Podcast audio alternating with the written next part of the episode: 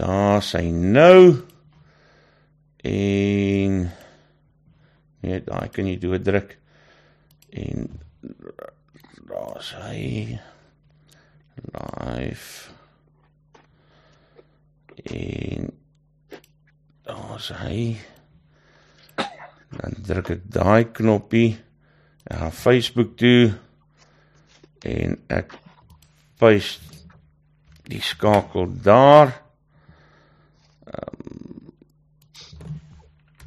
gesprek met Helen Zelle Connie Mulder en Leon Wessels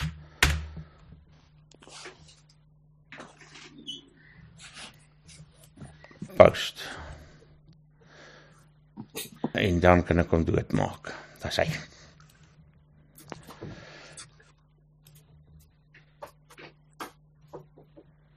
Daar's hy. Ons is reg om te begin. Ek gaan so 'n kort intro doen en dan uh, kan ons wegval. Ons wag net vir Helen om te sit. Ek maak dinge reg uit agter my. Dis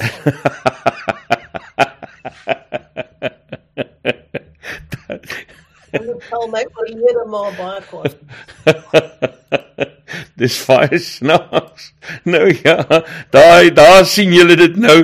Dit is hoekom sy 'n politikus is vir soveel jare. Alles moet reg wees. Helen Sille, uh goeienaand uh, aan almal. Ek dink ons is nou op die lig. Ehm um, goeie uh, verbintenis sien ek en daar is die mense Nee, ons is ons is dis nie met hierdie moet nie die toets wees nie. Ons moet hy moet geëdit word. Hou net so bietjie vas. Ehm um, wat gemaak as die ANC weer wen en uh save daar sy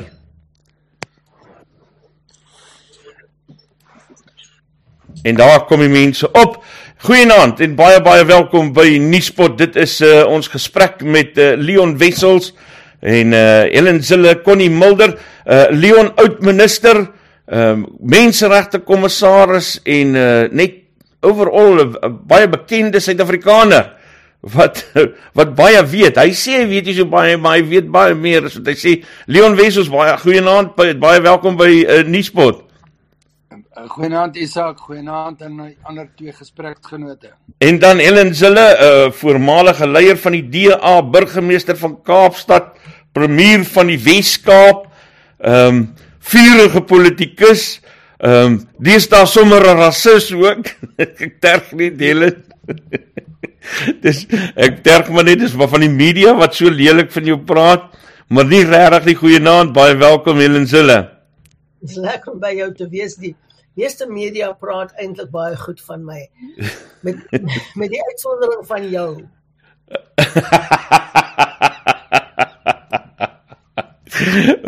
Ek is baie bly dat jy vanaand deel kan wees van ons gesprek uh, Helen en dan uh, Connie Mulder, uh, iemand wat 'n uh, wat al die afgelope klompie jare redelike uh, bekendheid verwerf het net sy werk by uh, Solidariteit uh, se navorsingsafdeling Uh Connie, uh, ons het al baie gesprekke gehad. Dit is heerlik om met jou te gesels. Baie dankie dat jy vanaand hier is. Ag, dankie Isak. Is altyd lekker om uh, hier te wees en 'n uh, deel te wees van Nuuspot so. Uh, uh.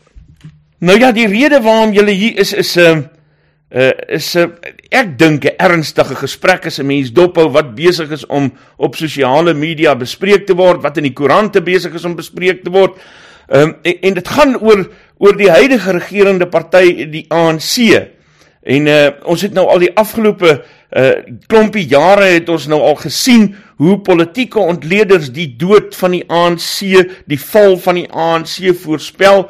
Uh die kom net nie en 'n dag vir dag word Suid-Afrikaners as dit ware getuister met 'n onbevoegde regering wat ehm um, wat lyk asof hulle niks reg kan kry nie en en dit gaan net al hoe slegter uh, as 'n mens kyk rondom jou.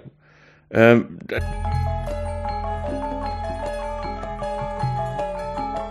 wat mense sê.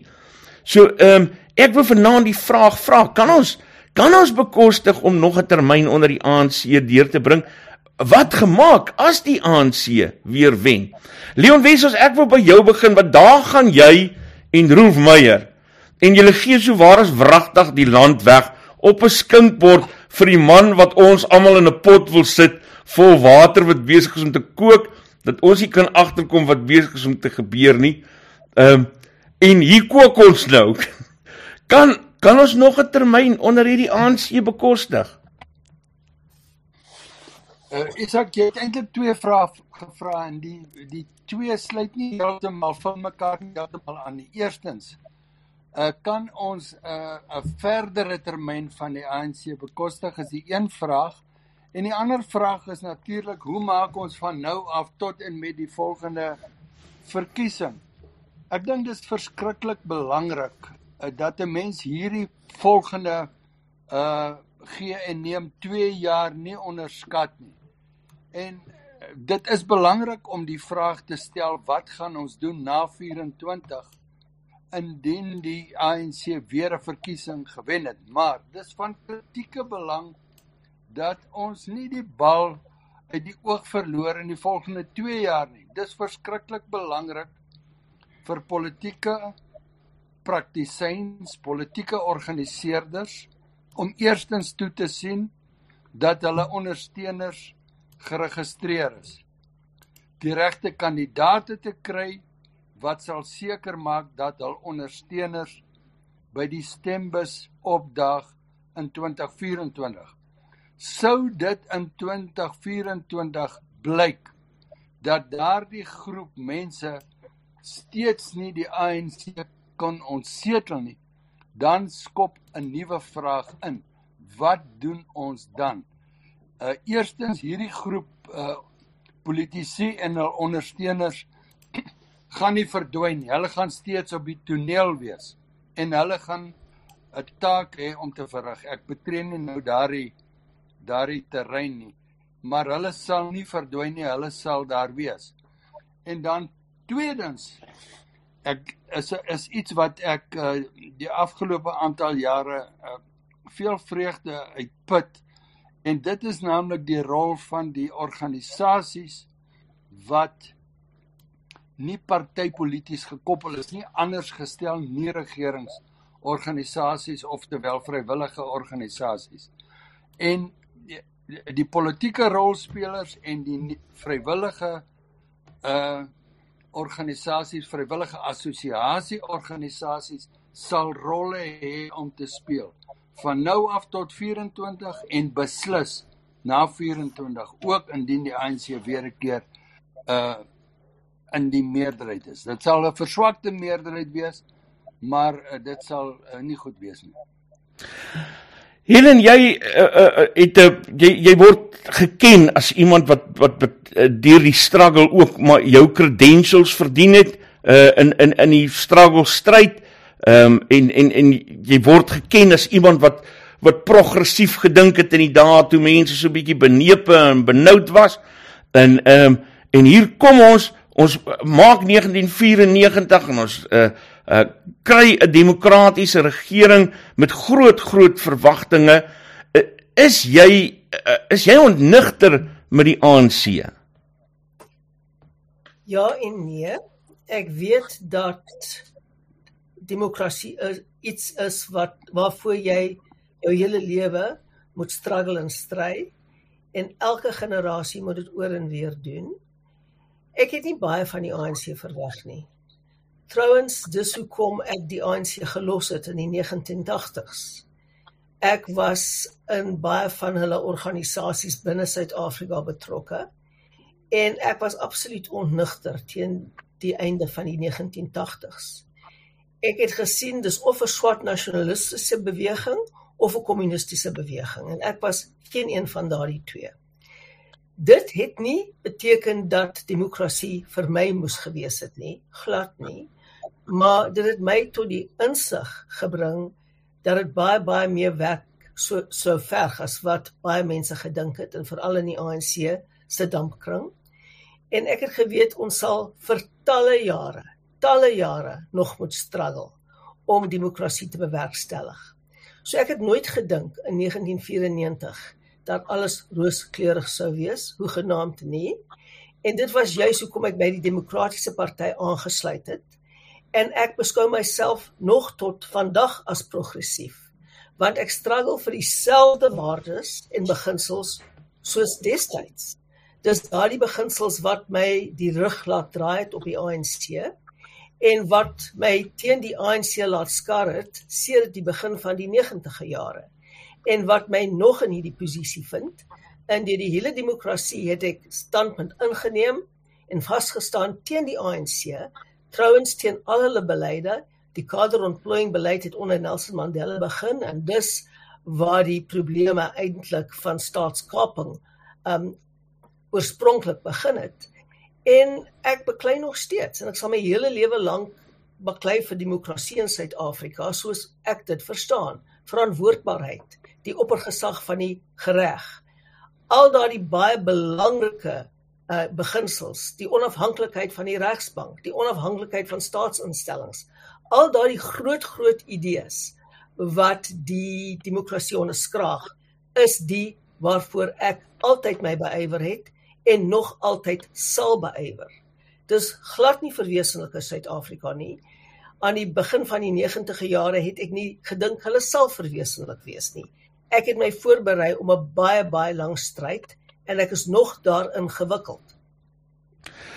Dan wil ek na jou toe gaan Connie um, en, en en net voor ek uh, by jou uitkom asseblief vir die res van die gesprek uh wees asseblief uh gemaklik en en jy kan inval wanneer jy ook al wil om iets te sê. Moenie vir my wag om vir jou te vra nie. So want ek wil dit is 'n lekker gemaklike gesprek uh wat ek uh, vo, wat ek wil voorstel. Um Connie die die impak van die ANC um as ek kyk na sosiale media uh, dit wat mense sê, ten regte of ten onregte. Uh maar dit wat op dit wat op sosiale media gesê word, getuig van 'n uh, 'n volk, 'n land wat wat wat ehm um, die omtrent teen die toue is en en foos geslaan is teen die ANC. Hoe hoe's wat is julle ehm uh, waarneming van die impak van die ANC op uh, Suid-Afrika van vandag? Um man Isak, ek dink kyk ons het 'n ding gedoen. Um ons het die ANC se goed gelees en hulle geglo en dit beteken ons is nie so verbaas oor waar ons nou is nie. As as jy uh, byvoorbeeld sê dat jy uh, regters eerder wil aanstel wat uh, beleid gaan navolg as wat die reg gaan toepas, dan is dit amper onafwendbaar dat jy gaan eindig hierso. Nou dit is 'n beleidsdokument van die ANC 2017. Um maar ek sal baie versigtig wees vir uh, vir sosiale media want ons het nou gesien op Twitter wen die EFF op elke verkiesing, um, maar die regte die regte verkiesing dan gaan dit bietjie anders. So ehm um, as ons gaan kyk na die die regte verkiesing, dan is die harde werklikheid dat die ANC slat nie dood nie. Hulle het hulle toue gevat, maar daar is 'n wesenlike kans dat hulle nog wen 2024 helaas. En dis nie dis glad nie onmoontlik nie. Hulle kan nog hulle mense mobiliseer. Hulle kry gewoonlik so 2 miljoen meer stemme um, nasionaal as munisipaal is 'n makliker nasionaal ouens stem makliker vir Ramaphosa as wat hulle sal stem vir die plaaslike raadslid wat hulle weet is skelm is. Um en dit beteken daarsou 'n wesenlike risiko. Dit is glad nie dat verby is nie. Dan moet ons onsself afvra is daar 'n kans en nou, ons het al baie daai uh, bespreek onder onsself oor dit. Is daar 'n kans dat die ANC dit kan omdraai en ek dink as ons nou 'n ding hier uit Palapala uitgeleer het en in die sondeverslag uit is dit daar is nie 'n daar's nie 'n goeie en 'n slegte ANC nie. Daar's 'n slegte en 'n slegter ANC en uh, die vraag is watter een watter een gaan regeer basies. Die Ramaphosa's is is hulle is beter, maar nie een van daai twee kan enigsins die land omdraai nie. Hulle beskik nie oor die vermoë nie. Die diepte is ongelukkig weg. Ek is nou deur hulle beleidsdokumente vir hierdie komende konferensie en dit is regtig steurend. Um jy kan duidelik sien daar's nie meer diepte van denke in hulle beleid formuleer nie. Dit is baie kras eintlik en dit is baie meer voetwerk om faksies gelukkig te hou as iets anders. En um, dan moet ons onsself vra as jy dink wie gaan 2024 um kan ons van 2024 vir die ANC oorleef, dan moet ons eers vashak by Desember 2022. My vraag is watter ANC gaan 2024 hmm. deelneem? Um gaan Ramaphosa wen en die top 6 100% sy faksie wees? dan lyk die ANC anders. Dan is dit 'n baie meer pragmatiese ANC. Uh hopelik Ramaphosa is daarom meer pragmaties as wat hy ideologies is. Um ek, ek ek weet nie of ons die korrupsie gaan weggee nie, maar dit gaan daarom minder wees vermoed ek. Maar dan kan jy dalk 'n ANC kry wat uh, net uit praktiese ondervinding uit met die private sektor bereid is om saam te werk mm. en hmm. te dink dit is wie die goed moet doen, die gemeenskapssektor moet bykom. Um so dit is 'n dis 'n beter scenario. Die alternatief is dat hy verloor. Um hy sal wen sien maar maar die top 6 almal is RET manne. En dan in daai geval sit ons met hierdie toksiese mengsel van marxistiese korrupte ouens wat uh, of wil uh, steel of wil onteien, een van die twee goeters en daai beide is is trage tragedies. My vrees is as Ramaphosa nou saam met die ideoloog gaan in die ANC wat ek sien as jy die ANC min of meer in 3 kampe amper wil verdeel het. Jy het jou pragmatiese ouens, dis meer jou Trevor Manuel, Pravin Gordhan, Ramaphosa. Dis ouens wat regtig hulle hulle wil planne maak wat die goed werk. Hulle is nie so verknog aan ideologie nie. Dan jy jou harde ideoloë, Wawies en um uh selfs Klesofius in daai kamp amper hulle is neo-marxisties baie gevalle, Blyden se man dit daai. Hulle hulle is die manne wat onteiening dryf, um daai rigting gaan. En dan het jy jou meer tradisionele ouens wat eintlik maar hulle sien die ANC as 'n nuttige vaardigheid om of 'n nuttige voertuig om die tradisionele gebiede wat hulle het en tradisionele owerhede mee te skakel. Nou Zuma was meer in daai kamp gewees. Dit is baie meer patronaatskap netwerk. Hmm. Netwerke en hy het eers saam met die ideoloog gespan en toe hulle agterkom, um dis dis moeilik om te onteien wanneer alles reeds gesteel is. Toe skuif hy na die pragmatiese ouens met Ramaphosa as hy jong president. Nou is die vraag wie gaan saam met Ramaphosa Desember 2022 gaan. En my vrees is dat gestel nou ons het 'n ANC wat die pragmatiese en ideologiese ouens is, dan het ons skielik uh skielik ANC wat wat actually sy beleid toepas. En um staatskaping is is klein in skade vergelyking met mm. wat die NGV byvoorbeeld kan doen of as ons onteiening werklik begin toepas soos wat hulle dit voorgestel het. Um die die skade is dan dit is enorm. Dit is verskriklik groot. So ons gaan moet fokus op Desember 2022. Tans lyk dit asof Ramaphosa onbestrede behoort te staan. Um hy behoort die nommer 1 te wees. Die vraag is hoe gaan die top 6 lyk? Dit lyk of hy in beheer is, maar ek vermoed ons gaan 'n 3-3 uh verdeling kry en dan beteken dit gestel die ANC hmm. wen 2024. Um dan dan is ons in vir more of the same. Ons is in vir wat ons nou beleef het, 'n uh, 'n regerende party wat basies verlam sit, wat met homself beklei, wat daarso net mooi elke liewe aanstelling is nou watter faksie kry hom en hulle outomaties skuif van die fokus 2027 om te kyk wie gaan dan dan wen met die faksie geveg wat voortgaan. Nou dis nie noodwendig vir ons so sleg nie um, 'n verlamde ANC is besig om intern te beklei en en kry nie kans om enigiets te doen nie. Al risiko is dat hulle dan daarop aandring om nog steeds te wil die goed doen. Um mm. en, en dan is dit wel vir ons doeleindes gaan jy dan maar moet dit self doen of of hulle dit toelaat of nie. Jy gaan net rondom hulle moet gaan. Wil amper my kop vashou is so hoe, hoe meer jy praat, wil ek so asseblief Helen en, en en iets wat my nog nog banger gemaak het vandag na aanleiding nou met dit wat Connie gesê het in gedagte is daai foto van Cyril Ramaphosa en uh, en Ysma Gesule. Het jy dit gesien? Ja ek het dit gesien. Maar wat die hel man? Dit is op 'n begrafnis. Ek meen dis op 'n begrafnis. As mens 'n ander persoon raak op 'n begrafnis, nou groet jy beleefd en en, en ons kan ja, maar. Hulle het baie bly gelyk om mekaar te sien en en ja, hulle sê vir mekaar sleg agteraf. Ja, dis dis hoe dit werk in die politiek ongelukkig. Maar jy weet die ANC is baie gou besig om 'n landelike party te word. Maar daar is sy vesting baie baie sterk nog. Daar was nou net 'n tussenverkiesing gewees in KwaNobuhle tussen Uitenhaag wijk 43. Nou haagliker kan dit nie gaan nie in 'n wijk as wat dit daar gaan. Daar moet mense 3 km stap dikwels om water te gaan haal. Daar is kragonderbrekings soos ons ondervind in die ANC se oorlede raadslid is vermoor deur 'n ander faksielid van die ANC. So daar gaan dit broekskeur en die mense ervaar wat dit beteken om met 'n gefaalde staat elke dag te lewe, soos ons dit nooit beleef het nie. En selfs daar, sê dit verlede jaar toe die ANC 70% gekry het, hierdie jaar was daar 6 ander partye wat gestaan het in daardie wijk.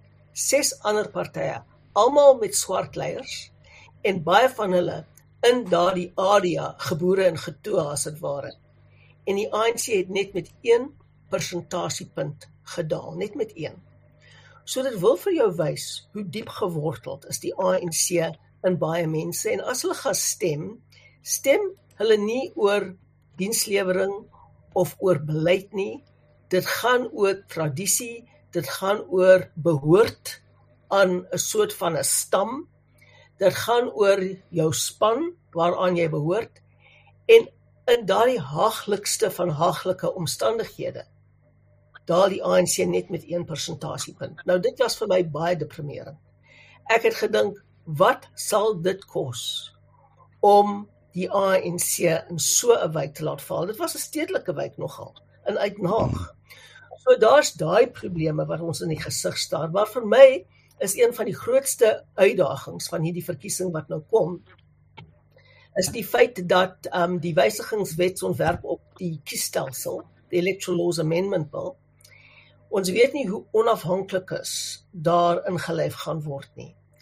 Maar baie mense dink as ons net kiesafdelings kon gehad het, dan sal die openbare verteenwoordigers verantwoordbaar wees teenoor die kiesers. Dit sal baie beter gaan. Nie noodwendig nie. Glad nie. Mm. Want ons moenie nou van die veronderstelling uitgaan dat 'n kiesafdelings LP verantwoordbaarheid sal aan die dag lê, sal 'n goeie verteenwoordiger wees, sal dienslewering bevorder glad nie. Hy gaan dalk daar 'n patronaatskap netwerk vestig en sy rol sien as om hulpbronne van die staat en veral geld en tenders en kontrakte na sy mense te kry. En dan kry jy oral in hierdie kiesafdelings dalk 'n sterk man wat opstaan en sê ek veg vir julle julle is my mense, ek gaan daar om hierdie hulpbronne vir julle te te kry en te gee en hierdie EPWP werksgeleenthede en die construction mafias en die sneer. En dan het jy talle talle talle van hierdie onafhanklikes wat 'n klein groep mense verteenwoordig. En dalk kry die ANC sê nou maar 47% van die stemme. Dan maak hy 'n ooreenkoms en jy kry 'n koalisieregering met talle individue en die ANC.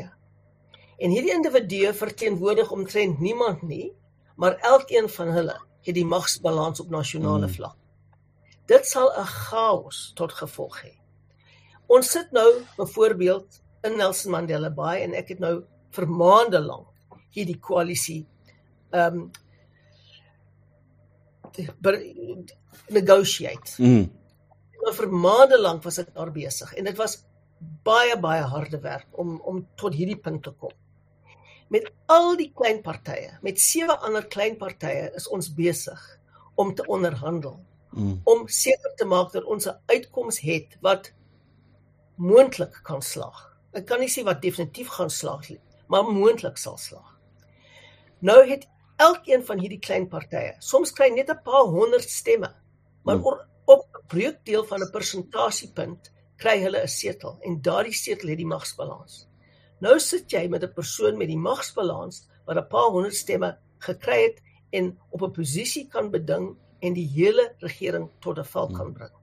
Nou as jy met so 'n situasie sit op nasionale vlak met talle van hierdie onafhanklikes wat net vir hulle self en die mense wat hulle daar sit mm. praat en hulle die magsbalans sit ons in 'n baie baie erger situasie as wat ons tans in is en dit kan baie slegter gaan. En mense moenie dink dat hierdie onafhanklikes die oplossing is vir ons probleme. Dalk is dit die begin van 'n nuwe stel probleme. Ek is baie opgewonde oor daai ding in die Weskus wat gebeur het uh, waar julle in die Vryheidsfront Plus. Dit dit was 'n stukkie volwasse koalisiepolitiek daai. Ehm um, ek, ek ek wens ons kan dit dwars deur die land regkry, maar ek is seker julle werk daaraan. Ja, wel ehm um, dit dit was baie belangrik. Ehm um, Matsikama was op die spel gewees as die ANC gewen het, sou die ANC in beheer daar gewees het. As die Patriotiese Alliansie daar gewen het, het hulle gesê hulle gaan in uh, in koalisie gaan met die ANC, so die ANC sou dan in beheer gewees het en ons moes gewen het om Matsikama hmm. uit die ANC se kloue te hou. En dus het die Vryheidsfront Plus en ons ooreengekom dat hulle nie 'n kandidaat sou stel nie, want ons het 'n baie beter kans gehad om daardie wijk te wen. En toe wen ons en baie mooi ook. Hmm. Ons het met 40 persentasiepunte gestyg wat fantasties was. Dit is meesal 'n breinwyk en ons het regtig daar uh, gestyg uh, met getalle met 40 persentasiepunte soos ek nou net gesê het. En nou is Matsikama solied in 'n koalisie tussen die DA en die Vryheidsfront Plus. Hmm. En dis wat ons wou gehad het. Trouwens, in die Weskaap, in die hele Weskaap, Isak, hmm. het die ANC net een burgemeester oor. Net ja. een. En Good work. Af in die regte rigting. Goeie werk daar. Leon, ek wil vir jou wille vraag vra. Ja. Ek as ek elke dag na hierdie goed kyk nê nee, en en mense antwoord voor jy die vraag Kom maar, ek luister. As 'n mens so luister, luister na almal elke dag, nê. Nee, en ek en ek kan mens raak so benoud uh oor al hierdie goed wat gebeur. Dan wonder ek baie keer dit voel vir my 'n demokrasie is 'n voortdurende gejag na adders. Dis al wat jy doen, dis die hele tyd nee. jy ryk 'n klomp adders uit.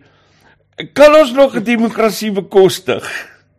Hey man, ek ek is maar uh, ou skool. Ek ek ek steun maar op die Winston Churchill uitspraak en sê dit is nie 'n goeie stelsel nie, maar dit is 'n dis die beter een wanneer jy almal uh, vergelyk met mekaar. Kom ons kom ons kyk net na een dilemma wat ons het uh Isak. En dit gaan oor 'n ingeligte kieserskorps. Dit is uh belangrik om te onthou dat dat in die jare toet uh, was ons kieserskorps ook uh ingelig maar hulle het te kort geskiet. Ek wil nou amper sê alle Winston Churchill. Helen Suzman stap uh, 12 jaar nadat uh, Jan Smuts dood is sê die mense vir haar jy's te liberaal ons gaan vir Smuts stem. Uh dit is die dilemma wat jy het. Mense Helen uh Zille het dit nou pragtig uitgewys hoe mense op tradisie stem, op ou gewoontes, hoe hulle teer op uh, op regerings almoses en wat dies meer sê. Dit is ons uitdaging. Ek dink ou nie gedoen het is heeltemal korrek en ek dink dit is dis nuttig en waardevol. Naamlik, hoe lyk die toneel wanneer jy na die ANC kyk? Maar jou opmerkings in aansluiting by Helen se van dit wat gebeur het op die Weskus wat elders in die land gebeur. Dit is waar ons fokus op moet wees elke liewe dag. Nou onthou een ding, die politiek is in sy wese verdelend. Uh en en dit is ons dilemma.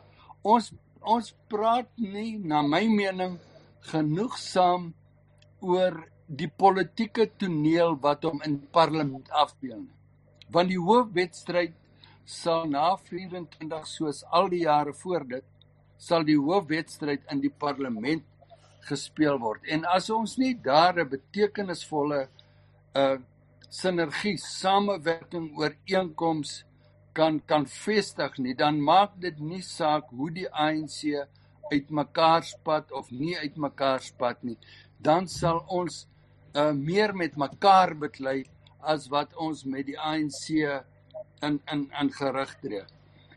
As, as dit is vir my nogal dit was nie altyd so nie. Dis nogal vir my deesdae belangrik om te kyk waarheen gaan die geld.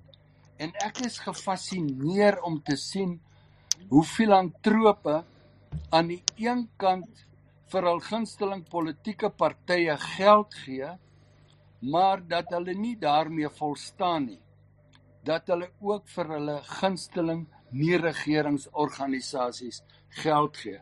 En dit is 'n uh, nog 'n opwindende ding om te aanskou hoe mense ten spyte van politieke verdeeldhede op beginsels kan saamstem.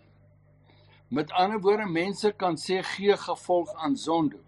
Maar jy moet oop oë wees wanneer jy gevolg gee aan die sonde aanbevelings vervolg mense soos hy hulle uitwys inderdaad maar sonde maak 'n paar 'n vinnige stellings rondom die toekomstige staatkundige bedeling en so meer.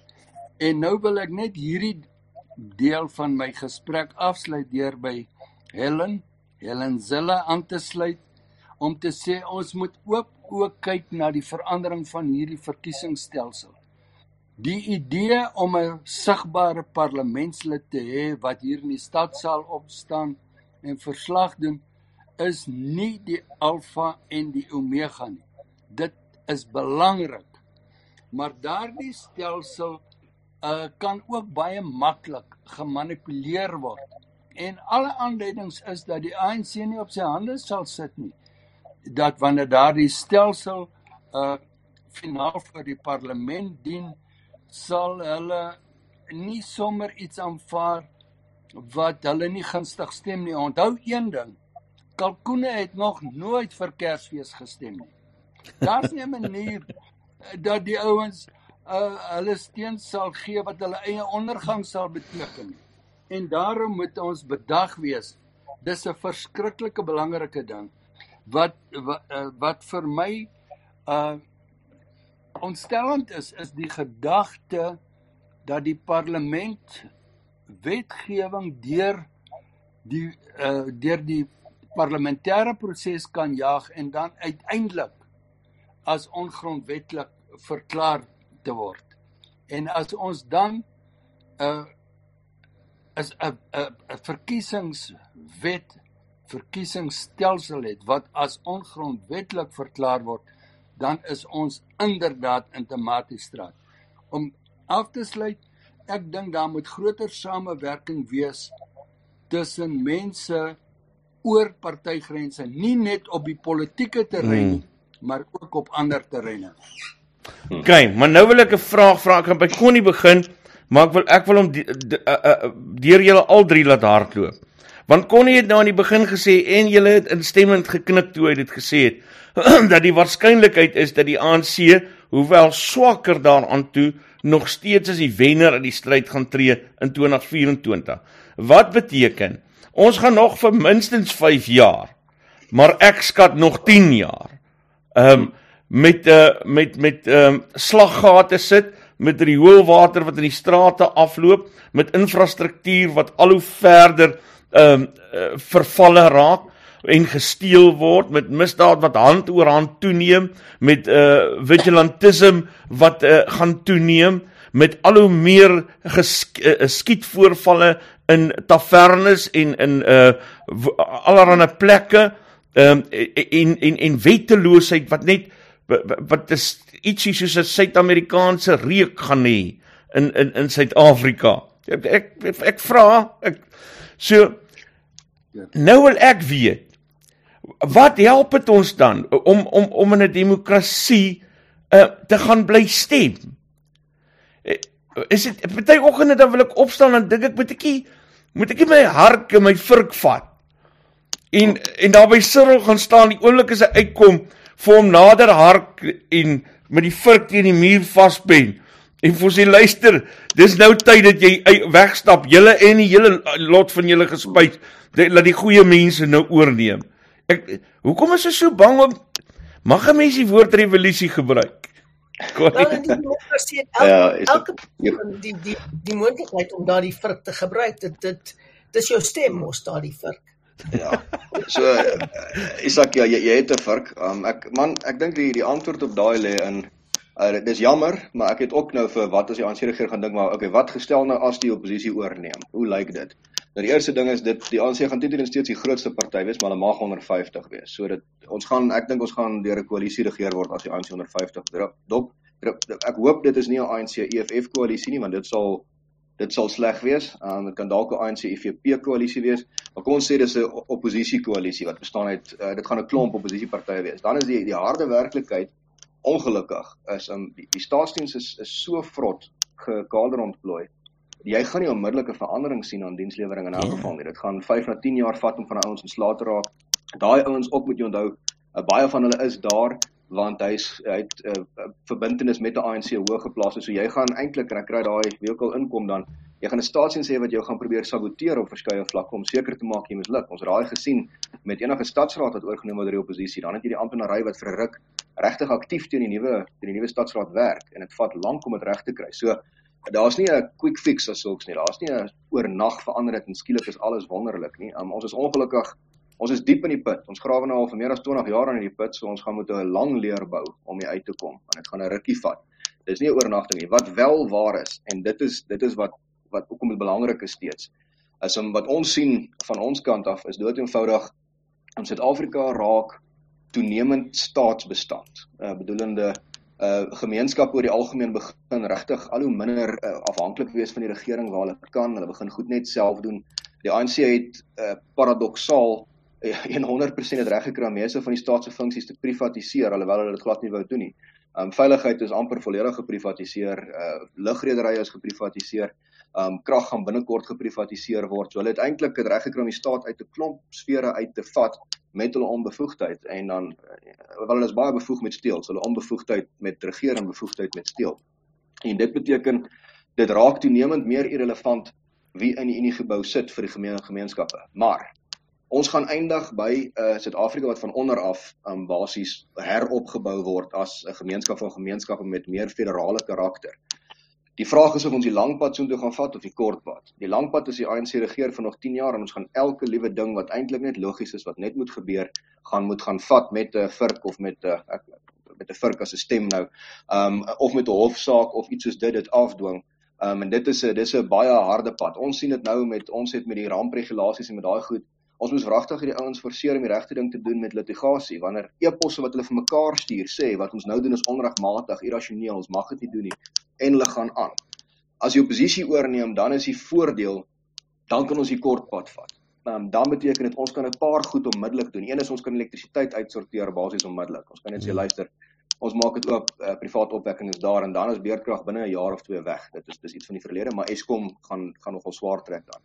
Um ons kan uh, goed soos uh, eh, SCB wat in alle tenders inkom en 'n uh, enorme premie as ook geleentheid vir korrupsie veroorsaak, kan ons afstel. Ons kan um die die toenemende hoeveelheid inmenging wat die uh, die regering in skole wil hê, kan ons verander na wat dit moet wees, wat ons beheerliggame is beheer van skole. So ons kan ons kan 'n baie korter pad vat, maar die uiteinde is is redelik eenvoudig. Suid-Afrika is is te groot om van een plek af te regeer. En wat hmm. moet gebeur is ons moet magte begin afwentel eers na provinsies toe. Dit is vir my ondenkbaar dat die Wes-Kaap nie beheer oor sy eie polisie diens het nie. Dat hulle nie kan bepaal waar dit moet uh, neergesit word en dit van nasionaal af kom. Dit laat net te veel geleenthede oor. Hmm. So die voordeel is selfs al kom ons sê die ANC wen 50% plus weer nasionaal. Is die kans baie skraal dat hulle weer 8 uit 9 provinsies gaan wen. Hulle gaan aansienlik minder wen. En as ons dan net kan druk vir eers en sê, "Alright, hulle het nou gewen nasionaal, dis sleg, maar daar moet meer mag na provinsies toe kom." Dan kan ons begin om van onder af letterlik hulle te dwing om die regte ding te doen want ons gaan net aan sonder hulle. En dis waarmee ons besig is in kort. Ons ons is nou, jy kan sit en wag, maar uh verkiesings is belangrik. Dit kan vir ons baie deure oopmaak. Hoopelik kan ons die kort pad vat. Dit sal baie beter wees en baie minder geld kos en baie minder moeite kos en baie minder gesteel wees. Maar as ons die lang pad vat, moet ons bereid wees. Jy gaan moet self bou wat jy wil sien en jy gaan moet self afkom en uh, dit dit is ongelukkig dink ek uh, met die staatsdiens. Jy moet jouself voorberei vir die lang pad en jubel as die kort pad gebeur. Helen Ja. Mag ek asseblief? Ek is 100% saam met Connie. En ons in die DA is besig om die kort pad oop te kap as as ek dit so mag stel. Die kort moet bietjie uitgekap word. En 'n lewende voorbeeld is wat ons doen in die Weskaap.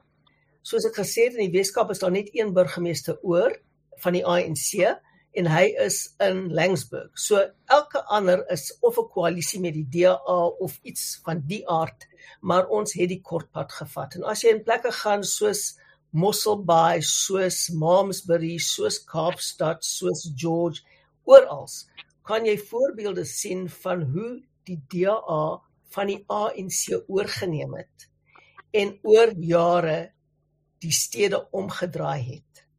En ek het self twee regerings van die ANC oorgeneem. Een was Stad Kaapstad in 2006, die ander was die Wes-Kaap in 2009.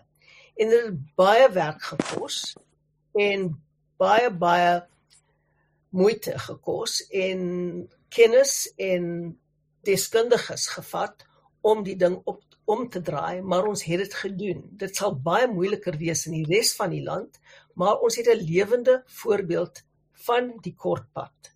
Nou stem ons heeltemal saam met solidariteit en Afriforum oor die afwendeling van mag en ons is juis daarmee besig. Ons wil maksimale autonomie vir die Wes-Kaap hê en vir ander provinsies waar ons wel dink ons het 'n baie goeie kans om te wen in koalisies of selfs regstreeks en dus die pad wat ons soek die kort pad.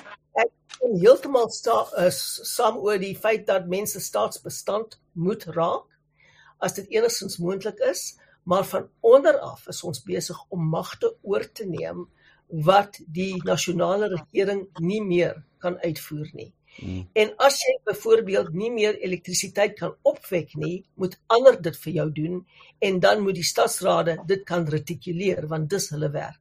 En dis meer. Hoe meer die nasionale regering faal, hoe meer maak dit dit absoluut noodwendig om die mag te gryp van onder af om die dienste te kan lewer. En dit is die beste uitkoms as daar wel 'n plaaslike regering is wat dit wel wil doen en kan doen en van magte is om dit te doen, maar in ander plekke sien mens burgerlike organisasies wat dit doen. Maar ek dink en ons het nou hierdie naweek ons strategiese beplanning gedoen vir die verkiesing 24 en ek dink ons het 'n baie baie goeie kans om die kortpad na ander provinsies in Suid-Afrika te bring. So ons sê heeltemal ons is 'n vennootskap met al die burgerlike organisasies wat mense staatsbestand wil maak, absoluut 100%, maar ons help met die kortpad vat. Hmm. En dit is ongelooflik belangrik om die mag te kan wen in 'n verkiesing as jy in 'n koalisie is om dit te laat slaag wat deksels moeilik is en dan help met kortpad te vat om magte af te wentel om van onder af daardie revolusie, daardie politieke en vredesame revolusie te bewerkstellig en dis ons doel. Hoe ver is Weskaap se autonomie van Cape Exit af? Wel daar's verskeie strominge in Cape Exit. Ons voorsien nie onafhanklikheid nie want ons dink nie dis ehm um, dis haalbaar nie. Dis nie praktiese politiek nie. Ons wil dinge doen wat haalbaar is en wat wel haalbaar is is wat ons funksionele federalisme noem. En dis 'n baie groot mate van autonomie op provinsiale en plaaslike vlak en elke staats uh, verantwoordelikheid wat op daardie vlak uitgevoer kan word, soos byvoorbeeld polisieering wat Connie genoem het, moet op daardie vlak uitgevoer kan word en gedoen word met die geld van die staatskas. Leon, so maar nou sê ons vir mekaar al gaan stem ons almal ehm um, en, en ons vat die lang pad dan beteken dit nog steeds minstens 5 jaar onder die ANC met verdere verval. Dink jy nie maar dink jy nie maar met daar's ander maniere soos moet ou nie bietjie revolusionêr raak. Ehm um, of is dit te groot woord? Ja, dit sê nou is, is uh, wel as jy as jy as jy revolusionêr in in die sin dat jy alles wil afbreek en van daar af begin opbou en dat jy dit die, die raamwerk van die uh van van van reg en orde wil doen of is jy revolusionêr in jou denke in die sin dat jy dat jy betoog vir vernuwing in ander omstandighede binne die raamwerk van die wet ek dink uh as jy bedoel uh, 'n mens moet nie ledig wees nie en jy moet meer energiek wees dan is ek dan is ek in jou hoek. Maar daar is 'n swempie van moedeloosheid wat soms wat jy soms uitgooi wat ek nie wil nie wil aanhang nie. Ek dink uh daar is daar is vele dinge wat nou gelyktydig moet gebeur. En wat moet gebeur is eerstens is die voortdurende waaksaamheid op die terrein van die politiek dit staan on, ongetwyfeld so. Maar wanneer jy polities van aard is, moet jy ook fokus op die lokale en die nasionale. Die lokale is belangrik, maar daar is inderdaad ook nasionale prioriteite, handelinge wat verrig moet word. As ek sê die hoofwedstryd word in die parlement gespeel.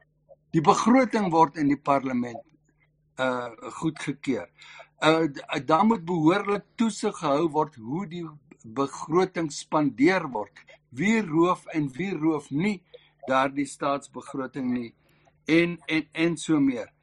En uh, as ek reg gehoor het dan dan verstaan ek tog iets daarvan dat uh, rond bo-oor ten spyte van die politieke verdelings is daar maniere om saam hande te vat. Maar daar's 'n belangrike punt wat wat ons nog glad nie gedebatteer het vanaand nie. Maak nie mhm. saak of dit die kort pad of die lang pad is. Die ANC het nie genoegsame ondersteuning om die grondwet te wysig nie. In elk geval nie alleen nie. In miskien in alliansie met ander en daarom sal ons uh dit wat wat wat nou nagejaag word en ek glo die grondwet bied ruimte daarvoor binne die raamwerk van die grondwet moet doen tot tyd en wyl uh al hierdie organisasies, politieke partye in 'n gunstige posisie is om kernaspekte van die grondwet weer 'n keer te debatteer, mm. weer 'n keer te betuig, bekyk en nodige wysigings aan te bring. Ek wil gou Connie ek ek wil ek gaan hierdie vraag daar na jou kant toe gooi ehm um, vanuit Leon se uh, se opmerkings oor oor die oor die moedeloosheid. Ehm um, uh, maar mense is moedeloos. Dit dit is dis inderdaad so. As ek nou gou-gou vir jou hier kan lees um, op die uh, uh, uh, op Twitter waar ek hierdie gesprek bekend gestel het, skryf 'n uh, ou Anton Kordier Um, not one of your guests can come up with bright and new winning strategies in my beste Vrystaat Engels to liberate South Africans from incompetent political and business leaders and the current South African downward spiral. They are also not prepared to listen to anyone but their selected ethnocentric uh, group. En dan net nog 'n stukkie wat hy hier byskryf. South Africa and South Africans are facing enormous and complex challenges. No political party, including the current advisors in South Africa, That's the mind potential uh, based on the leadership selection and election manifestos. Helen, ek sien jy het jou hand opgesteek. Kon nie gaan jy omgee as ek gou vir Helen 'n kans gee daar? Well, seeing that the question was asked in English, maybe I can answer it in English if that's okay on this spot. Is that ja, okay? Natuurlik. Ons kan enige taal hier praat. Let me just say that our strategy is to win elections, and that's the best strategy that you can have in a democracy. And we currently run 38 local authorities, either with outright majorities or in coalitions, in seven provinces. That is more than we've ever had before, and we run an entire province. And in each one of those, you can see to a greater or lesser extent how we are beginning to turn them around, and in some cases have turned them around very substantially. So that is an absolute strategy in a democracy to win elections and when you get into government, to govern them well. And let's go through each one of our governments. I won't take you through 38 of them, but each one has an integrated development plan. Each one has a budget. I spend most of every single day helping run our coalitions or negotiating new ones. So don't think we haven't got a strategy. We wouldn't have come from having one government to having 39 governments now if we didn't have a strategy. And the one strategy a political party must have in a democracy is to win elections. And we've just come out of a strategic planning weekend and we've got a very good strategy for 2024. So dis al wat ek wil sê in antwoord daarop. Baie dankie. Connie, ek gaan terug na jou toe. Um Isak, ek dink mense moet moet vrede maak soos ons sê daar's nie 'n daar's nie een klinkklare ek daar's nog die hoop op hier kom 'n groot leier of 'n groot ding en dan gaan alles skielik oornag verander. En die harde werklikheid is um, een dag uit 4 jaar waar jy stem gaan nie naas met die verandering maak wat jy wil sien nie. En dit is waar waar ons trek wat sê gaan stem, regtig gaan stem. Kom ons kies die kort pad as ons kan. Maar daarna, um kry Johanne Veil raak betrokke. Die voordeel van 'n ANC wat toenemend swakker word en 'n staat wat toenemend swakker word en dis regtig 'n goeie ding is dit skep geleenthede. En vir vir die gemiddelde ou op grondvlak skep dit dit 'n geleentheid. Jy kan nou die toekoms bou wat jy wil sien. En dit beteken die staat wat nie meer sy wil kan afdwing op jou nie beteken ook hy kan hy kan nie hy kan nie sy visie realiseer nie. Maar as hulle niks gaan doen nie wat is wat ons nou sien dan gaan 'n nagmerrie realiseer. So jy kan inklim daar's soos meer as genoeg plek raak betrokke by goeders um, en begin dan net klein dit doen so dit sê vervang dalk jou vurk is ek vir 'n graaf en dan gaan stem jy en dag en na gemaak jy 'n slaggat reg voor jou voor jou huis en dan begin jy so en dan as jy daar aan die gang um of brei 'n bietjie brei 'n bierwag een aand en iets van daai en dan maak yeah. jy jou bier veilig. Um goed soos dit want dit sê hierdie is nie verniet nie. Daar's nie dit is nie 'n ding waar jy stem en dan die verantwoordelikheid uitkontrakteer en dan uh, dan verras sit en dan wag vir 4 jaar nie. Mm. Jy gaan moet die werklikheid wat jy wil sien bou. Mm. Um ongeag wie regeer, is dit in elk geval 'n goeie ding om te doen. So dit kom neer op ons hoop die oppositie wen. Ehm um, dis maar 'n klassieke jy jy hoop vir die beste maar jy beplan vir die slegste. So ons hoop die oppositie wen. Hmm. Ons dink ons beplan vir as die ANC wen, maar in beide daai scenario's as jy begin self eienaarskap vat en uh, ons veral skakel baie met gemeenskappe wat toenemend begin doen, die Barolong, ehm um, ons het met die Zulu uh, koning 'n baie goeie verhouding wat sê maar hulle kan net nie meer staat maak op hierdie nie. En veral na Covid het dit nogal regtig versnel wat hulle agterkom. Jong, die die ANC kan net nie van hierdie goeders doen nie. Hulle kan nie meer van sentraal af doen nie dan is dit skielik 'n hele nuwe wêreld wat vir jou oopgaan wat sê dit maak nie so baie saak wie in die Unie gebou sit noodwendig nie. Jy het, het beheer oor jou eie toekoms en dan gaan die mismoedigheid so bietjie wegraak. Leon, jy het al eendag dit is eintlik presies 'n jaar gelede. Eh, wil ek net Waar is Leon nou? Hier is ek. Daar's jy, daar's jy, daar's jy. Ehm um, Leon, jy het nou presies 'n jaar gelede het jy vir 'n vreeslike mooi ding gesê uh toe ek daar uit Wellington uit met jou gepraat het uh oor die feit dat ehm um, Suid-Afrika bestaan nie uit is, is ek dink is min of meer wat jy sou gesê het nie. Suid-Afrika bestaan gelukkig nie uit sy president uit nie, nê. Ehm um, en en en as ek nou vir Connie mooi ja, reg gehoor het hierso, dan dan dan hoor ek ehm um, iets wat ek by jou ook al gehoor het. Die tyd is dalk dan nou uh, lankal verby dat 'n mens net terugsit as 'n kiezer in hierdie land, maar maar dat jy regtig daadwerklik betrokke raak uh by by mense wat wat wat op ander vlakke uh die land 'n beter plek probeer maak. Daai is in jou kraal as ek reg verstaan altyd. Ja, ek ek ek ek, ek verstaan daarmee 'n land kan nie gedefinieer word deur sy deur sy leiers nie alhoewel 'n land kry die leiers wat hy verdien. Die ANC het die leiers gekry wat hy verdien. Maar ons het hulle toegelaat om daardie leiers te kies en ons het hulle ANC uh toegelaat om aan ons te doen wat hulle aan ons gedoen het. Dus uh, om te stem is belangrik, maar maar dis nie net 'n uh, een dag oefening nie. Dit beteken volgehoue belangstelling in die persoon vir wie jy gestem het. Hmm. Daardie persoon by te staan, te ondersteun, te onderskraag, inligting te verskaf, inligting te bekom en wat dis meer sê. Die ANC hou nie daarvan om geïrriteerd te word nie. Ons daar's voorbeelde daarvan. Cele kan daarvan getuig, Cameron kan daarvan getuig en jy jy jy hou nie op om hulle te pla en te irriteer uh met misstappe nie. En dit is eintlik verstommend hoe mense wat aan die ontvangkant is van ANC arrogansie. 'n Studie is gedoen oor plaaslike regerings in Suider-Afrika en daar's bevind dat die amptenary uh in plaaslike regering in Suid-Afrika is die arrogantste in die ganse Suider-Afrika. En uh en en en en die die die burgery wat die aan die ontvangkant is van daardie uh hmm. arrogansie is net mooi klop. Ehm um, Helen ek het op ehm um, uh in Oktober 2020 toe maak ek 'n Facebook inskrywing wat ehm um, min of meer so lê ek sê die dag gaan nog kom en dis nie baie ver nie dat uh, solidariteit en Afriforum se velste kritisie uh diep dankbaar gaan wees oor die bestaan van die twee organisasies. Dit was nie 2 maande later nie toe ehm um, laat val mak sy eerste bom oor uh oor solidariteit.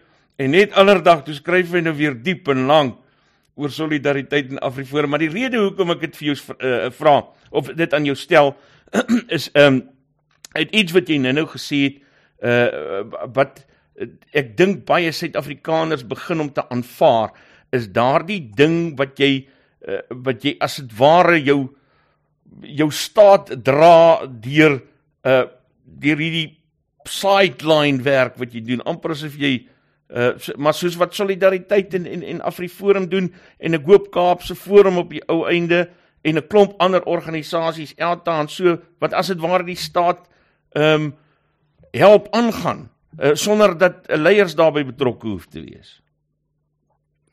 Luister, ek was vir jare jare lank 'n uh, groot fan van Afriforum en solidariteit, die hele solidariteit beweging.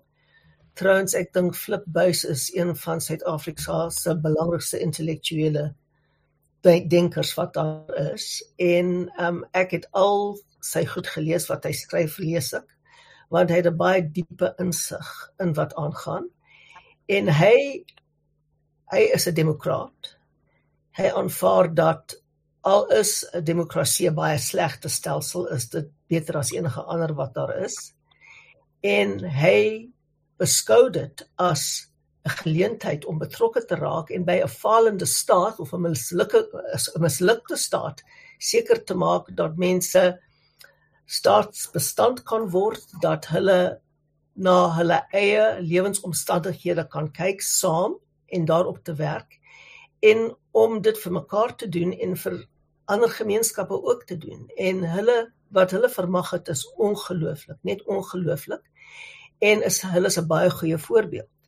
En dis twee pilare om Suid-Afrika te red. Die een pilaar is die politieke pilaar wat ek nou meeste van die tyd mee besig is. En dit is om verkiesings te wen. Soos Connie nou net gesê het, is dit 'n baie belangrike pilaar en as ons daardie pilaar kan regkry, is dit 'n kort pad om die mislukte staat te vermy. Maar die kort pad is ook 'n lang pad want om die fallende staat of die mislukkende staat om te keer is baie harde werk soos ek self ervaar het. So die een pilaar is om verkiesings te wen en mense moet stem.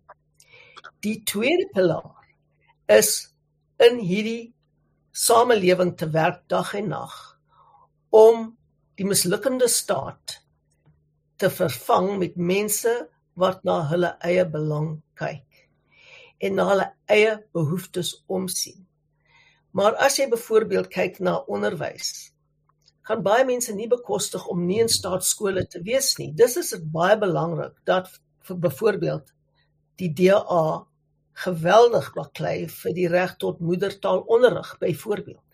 En teen hierdie nonsens wat Annika Smit nou versinne beeld het van 'n rasis onder elke bos te gaan wil uithaal in ons skole. Ons moet dit op elke vlak beveg. En dit is die twee pilare wat op hierdie stryd staan. Die politieke een en die burgerlike samelewing een. En dis waar ons saamwerk om dieselfde doel te bereik.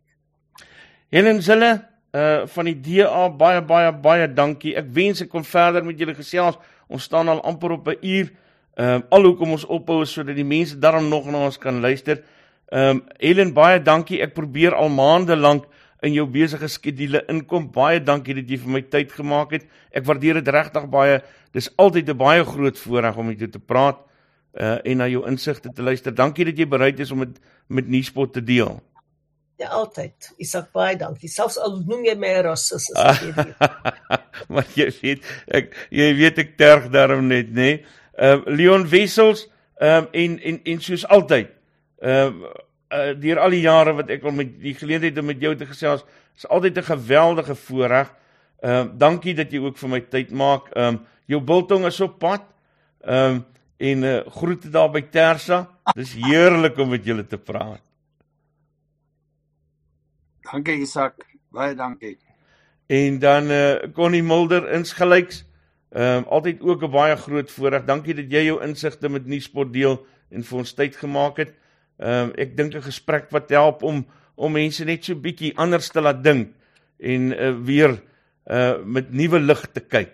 Ek dink ons het elke dag nuwe preke nodig om in hierdie land te oorleef. Uh maar ja, baie baie dankie. Soos, Flip altyd sê, onthou, as jy met 'n beer stoei, dan stop dit nie as jy moeg is nie. dit beteken ons kan nie nou moeg word nie. dit nou is waar.